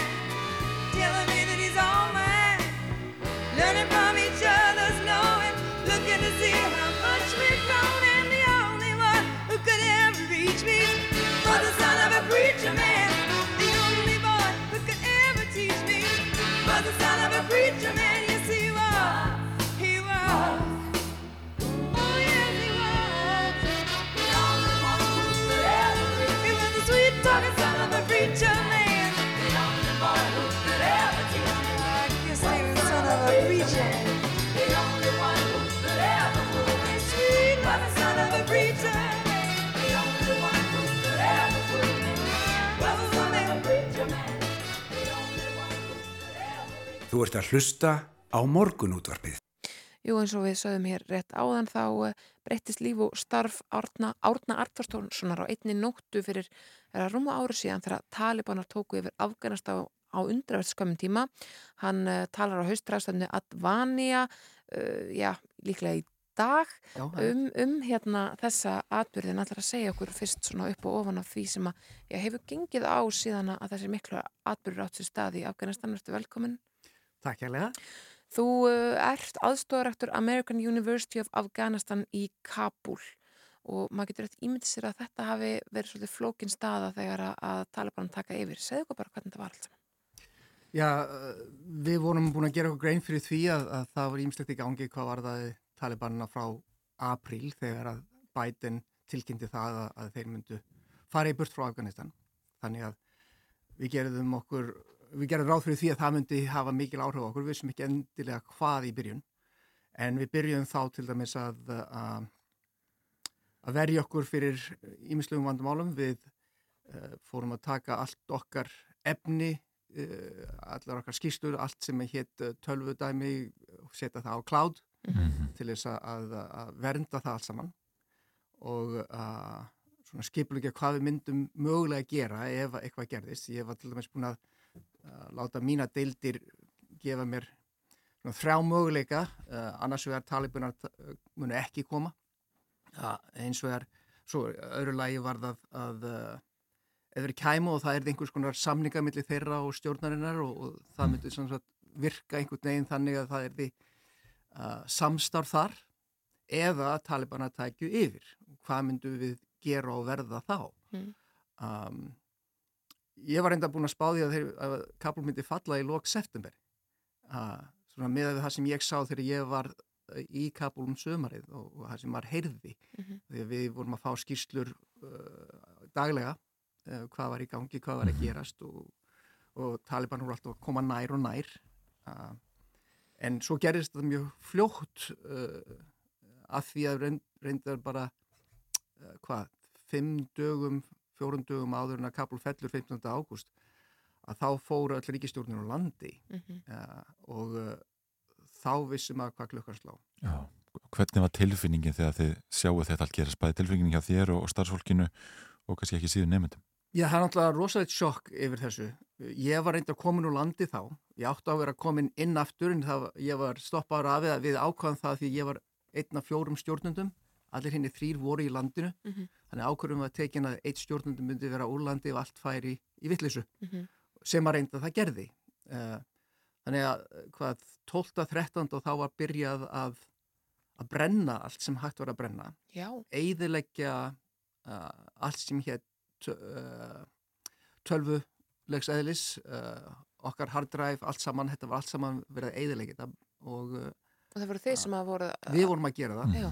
vegna þess að það er náttúrulega viðkvæmar upplýsingar sem erum með, upplýsingar um starfsfólkið okkar, upplýsingar um nefndur okkar og talibanar voru náttúrulega búin að ráðast á háskólan sex ára máður Mm.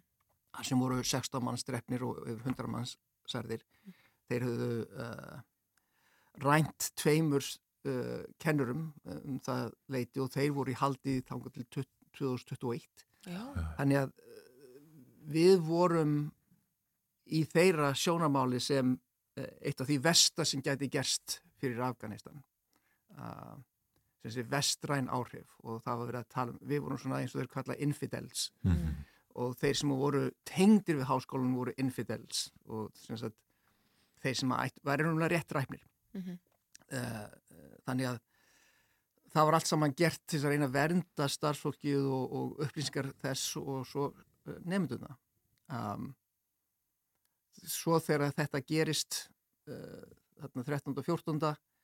að þá þeir sem á eftir voru, það voru um tíu útlendingar þá á, á skólasvæðinu sem voru teknir með öryggisliðin okkar sem við höfðum, við vorum með öryggislið þarna um 300 manns á okkar skólasvæði sem er vernda okkur og háa veggi og allt saman við vorum, ég fekk ekki að fara út sko, en eins og leiðis nefn að vera í fylgd lífvarða og þess áttar á þessum tíma en uh, þeir voru teknir uh, inn á örugt svæði rétt við flugvöllin og svo var flógið með hlutaði út uh, sunnundasmorgun Hlut, hlutaði voru fastir í eina viku en komu síðan út uh, eftir það. En á lögataskvöldinu þá, þá er hringt í mig og, uh, og sagt ok, uh, við þurfum að skipulegja að koma fólki úr landi. Mhm. og þá hófst hvað, tveggja vegna törn þar sem ég svaf svona kannski eina til þrjár klukkustundir Já. Já. og uh, það var rosalega erfi yfir tími um, svona í stuttumáli þá komum við út á þessum tíma ekki nema um 40-50 nefnendum með ýmsum leiðum þetta var Af, af hversu mörgum? af, við vorum, við vorum með yfir 800 nefnendur Já. Og, og hvaðan kom þessi nefnendur? Þetta eru allt saman Afganistar, uh, úr, heðan, heðan og þaðan uh, úr Afganistan, uh, frá sem sagt, Kabul, frá Mhm. Kandahar, frá Herat, uh, hérna á þessum borgum og svæðum, you know, sem þessu frá mjög fátakun svæðum Mhm. og uh, við byggðum mikið á því að, að veita stúlkunum skólastyrki. Þær komu oft frá mjög fátakun svæðum, vegna þess að þær höfðu, engin tækifæri til þess að gera neitt í raun og veru í uh, Afganistan nema í gegnum okkur. Og um, þá náttúrulega kom upp vandamáli við höfum engar upplýsingar uh, því að við eðluðum upplýsingar Já. og við höfum engin tækifæri til þess að downloada allt þetta niður á, frá cloud um, til þess að vita dæmis hvað var í hverju væri hvað. Um, sem dæmi um, sko, það gæti einhver hafa sendt mér upplýsingar og þeir gerðu það sömur um, sagt, ég er nefandi hjálpaði mér út. En Já. ég vissi ekki endilega hvort að það var í nefandi eða ekki. Nei. Þannig að ég þurfti að uh, reyna að skipulegja það sem best ég gæt og ég var með rosalega flott teimi, það voru uh, tveir aðri sem voru með mér í þessu til að byrja með og svo bættist einnig við setna og við vorum að búa til að lista og þetta búið að vera mitt líf núna í, í rúmt ár, að búa til lista uh, möguleiki að koma þeim uh, úr landi í hinn og þessar áttir og svo var gífulega mikið vinna í því að tala við uh, annars vegar stjórnir annara landa eru þau tilbúin til að taka við nefndunum og starfsfólkinu. Uh, og svo hins vegar hvernig komu þeim svo út? Mhm. uh, þessar fyrstu 15 daga þá var þetta náttúrulega rögl það var svo mikið allt saman óskipulagt, engin viti hvað var í gangi því hafið örgulega séð það það var ímislegt í kringum flugvöllin fólk er inn að komast inn á já. Fólk að rétta börn yfir rétta börn yfir, allt saman, myndir af þe- þetta var rosalegt Já. Það svona má segja fljótt þá sáum við það að nefndunni þurftu einhvers konar öryggi. Mhm. og það sem að varð og gerðist var það að mitt nafn var svona tengt við allt sem hétir að komast úr landi. Og það er það ennþá í dag um, og gífulega mikið álag að fólk var að ringja gegnum WhatsApp, uh, í síma. Ég er með tvo síma og það fólk var að ringja bara a- alla, alla tíma sólarhings uh, hafa verið að grátbeði að hjálpa, man, hjálpa þeim að komast úr landi, hjálpa fjölskyldu sinni, hjálpa öllum. Það er náttúrulega við sögðum strax við getum ekki hjálpa nema þér. Við getum ekki tekið þína fjölskyldu með. Uh, þetta er búið að vera mjög erfitt vegna þess að við vissum það frá byrjun að, og ég sagði það við mitt teimi, við verðum að sætta okkur við það að við verðum aldrei koma öllum úr landi Nei. og, og í dag til dæmis þá er ennþá uh, um 250 nefendur sem hefum ekki komið út Mhm. eða hafa ekki komist út að öðrum leiðum. og uh, um, þannig að það er og við vitum það að við náum líklega ekki öllum út og það er náttúrulega í gegnum þetta ár þá að verið mikið örvænting og reyði og, og þess að þar ég veist ég hafa verið kallaður öllum nöfnum í bókinni Já. uh, sem sagt, og ásakaður fyrir hitt og þetta uh, Af hverju það? að vera að móti ákveðnum þjóðflokkum inn, innan Afganistan eða ég er að velja bara ákveðna nefnendur eða Mhm. eitthvað þess að það ég stjórna því Já. og, um, og það eru oft verið ég, hef verið beðin um það við að skipa stundum að, að segja hvernig velja nefnendur Mhm. og það veit það enginn nema ég. Mhm. og fær enginn að vita það nema ég. Eh, ekki einu sinni uh, skólastjórnin eða, eða fórseti háskólans. Nei. það er að ráðum gert, það þarf einhver að gera þetta. Og það þarf einhver að standa vörðum svona réttlætið. Og það er það sem ég þarf að gera. Já. við náðum út uh, sem sagt, eftir þetta þá náðum við út um 100 nefndur sem fóruð til Kyrkistan við náðum svo í oktober út um 80 nefndur sem við komum til Írak. Uh, það voru háskólar þar uh, American University of Iraq Suleimania uh, í Kurdistan og svo American University of Central Asia sem er í Kyrkistan hjálpuð okkur. Við komum nefndunum þangað sem svona gestanemendur eins og þetta Já, orða bara skiptinema. skiptinema. Og um, svo sem sagt uh, síðan, síðan setnipartin í oktober, þá hefur við raunverulega ekki komið neinum út þangað til núna að við komum út þessu fólki til Katar. Mm. og uh, það sem sagt uh, fyrir tveim vikur síðan þá vorum við að reyna að koma þeim öllum út. Uh, stúlkunni voru stoppaðar á flugvöldinu og það var rosalega erfitt. Því að þau halda ofta að við getum miklu meira heldur en við getum. Mhm. og uh, ég var að fá síntöl frá þeim á flugvöldunum lýsaði hvað var að gerast, þær voru hrættar þær vissi ekki hvað talibarnum myndi gera um, Það var- með ekki ferðast einar án kallmanns. Það átt að vera í lagi. Katar hafði talað við einhverja yfirmenn í, í Talibana stjórninu saði fá sem sagt uh, leiði til þess að koma mig gegn. En eitthvað gerist á flugullunum, við erum ekki alveg vissir hvað. en það eru svona þetta Haqqani uh, talibanar sem eru svona harlínumenn, Já. þeir eru reyðir Mhm. Og það er mikið svona tókstreita innan talibana. Og þeir eru reyðir og, sögðu þeir þær fá ekki að fara. Það var fjóra tíma dæmi í gangi á flugutunum þar sem ég, ég var með mína menn á flugutunum sem voru að tala við mig og, og svo voru krakkarnir að tala við mig og, og það er ofsalega erfitt þegar að eh, stúlkur er að ringja í mann grátandi segja I'm afraid, please help me Dr. Arnie, please save us. Og þú getur ekki gert. Nei, og um, þannig að það uh, í raun og vel að það sem gerist það að þær voru sendar út af flugullunum og svo þurftum við að finna út aðra leiðir og Katar stjórnin hefur verið mikið að hjálpa okkur með þetta. Já. og uh, þeir raunulega hafa gefið okkur styrki til þess að koma þeim þangað. Þeir hafa í Doha er eh, svæði kall, kallað Education City. Svakalega stort svæði með hinum og þessum háskólum þar. Og þeir hafa gefið okkur pláss þar. En þeir eru að borga fyrir það allt saman. Já. Þeir hafa lofað okkur að koma 200 nefndum þar inn. Uh, við erum búin að fá núna 38 við erum að koma inn vonandi um 60 í viðbót. Og svo væntanlega fleiri uh, kannski í oktober, kannski í november, kannski í janúar við vitum ekki alveg En það er smá glufa. það er smá glöfa fyrir ákveðin hópa fólki. Já. Það sem gerir þetta erfitt er til dæmis Katar er, er með í okkar samning. Við mögum hafa ákveðna prósundu af kvennfólki, þeir vilja meira kvennfólki þannig að svona það eh, má segja að stefnan er að hjálpa kvennfólkinu því að það er Já. fólki sem að fær ekki og mun ekki fá uh, mentun Mhm. í Afganistan en svo er líka náttúrulega vandamálið er það að svo skrítið sem það má hljóma við erum að vera uppiskrópa með kvennfólk í Afganistan Mhm. Sem að við getum hjálpað Þa, það er gott, Mhm. vegna þess að það var allir vilja hjálpa kvennfólkinu og það er frábært Það er gott. og við höfum náð nánast meiri hlutan af kvennfólkinu út Já, já, einmitt. En, En þeir nefndur sem eru enn í Afganistan, eh, sko mæta þeir mikilli og enn meiri mótspurnu sko fyrir það að vera tengdir American University. Já og nei um, við vitum að það er ekki gott að vera tengdur því og, og við vissum raunverulega ekki í byrjun hversu slæmt þetta myndi verða. Við höfum hins vegar uppgötta það að, að, að þeir eru ekki að svona þeir eru ekki að leita að þeim. Þeir eru ekki að gera það þannig.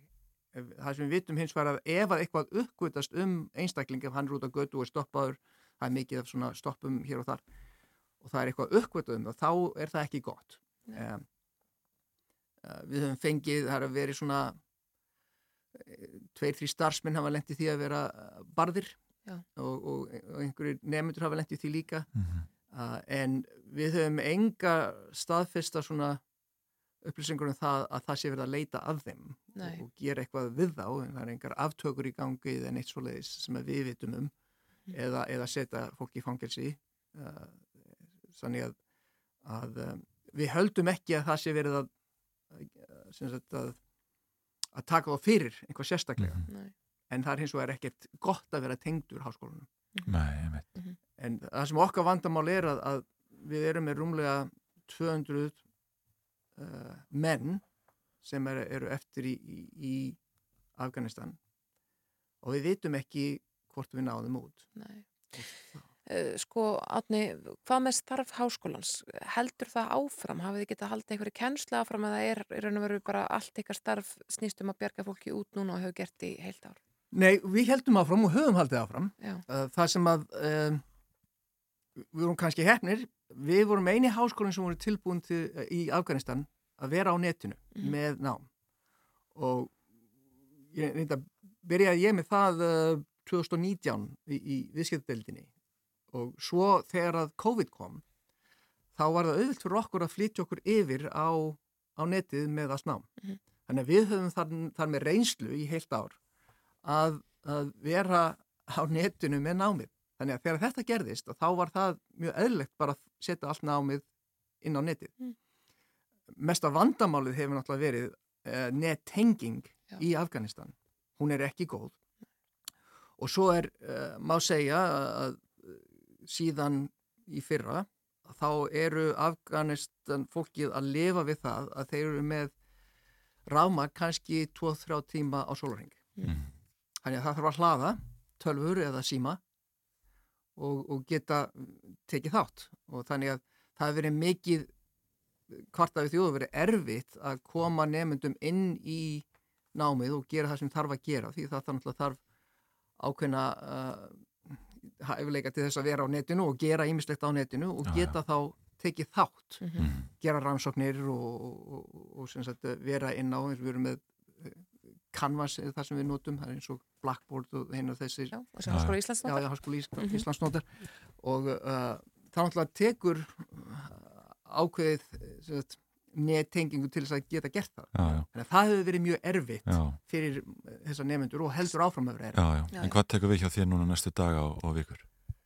Já, við erum með nýjan hóp, ég er yfir því að koma nýjum nefndum inn, við tókum inn 300 nýja nefndur núna í haust, allir á netinu, frá Afganistan. Mm. Þannig að við erum að koma þeim af stað og reyna að halda þeim við efnið og reyna að, að, að hjálpa þeim að, að, að vera nefndu hjá okkur sem er náttúrulega gífulega mikið starf. Og svo tekum við að koma þessum nefndum fyrir í Katar og í Kyrkistan og svo náttúrulega er það sem að eh, skiptir miklu máli er þeirra geðhilsa. Mhm. Uh, við höfum uppgötað það í Írak og í Kyrkistan að, að þetta er ofsalega erfitt. Þetta fólk er að yfirgefa fjölskyldu sína, uh, getur kannski aldrei hitt fjölskyldu sína aftur, það, allavega það er í þeirra huga. Stúlkurnar hafa kannski verið í, í eh, heimili þar sem að allt er gert fyrir þær, allt stjórnað. Já. Þær hafa ekki mikið sjálfstæð og skilji ekki hvað þær geta og hvað þær geta ekki gert Já. og hafa engan stuðning allt í hennu. Mhm. Það er eins og það er allt kift undan þeim. Við höfum haft, uh, það eru tvær stúlku búin að, að vera með sjálfsmórstelrun Mm. til dæmis sem betur fyrr tókst ekki. Uh, þetta er ætti það sem að, þegar maður mitt heimi, ég hef undirbúðað fyrir það að ég svona, ég, fyrra haust þá sagði ég, ok, annarkvort er einhver dreipin eða einhver dreipur sjálfan sig. Já. Þetta er staðrind, þið þurfum að vera tilbúin. Árni Arþórsson, takk kærlega fyrir að koma í morgundarbi. Þú talar á haust aðstafnu Advania í dag en við komumst ekki lengra að þessu sinni. Nei, við þökkum fyrir samfélgin í dag og, og rétt að geta þess hér í lokin að það er hægt að nálgast allt okkar efni á rúf.is en við þökkum fyrir vikuna. Og þakk bara, já, mitt þakka fyrir samfélginu vikunni og hlökkum til að vera með ykkur á mánudag. Góð helgi.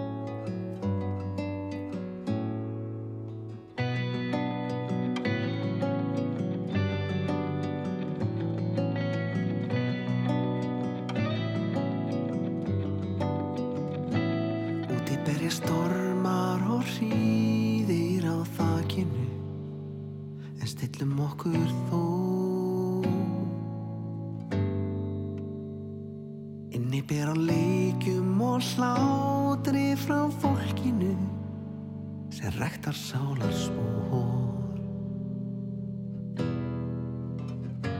Hvena mun nú veturinn sleppa lokstakinu Svo það kom í vor,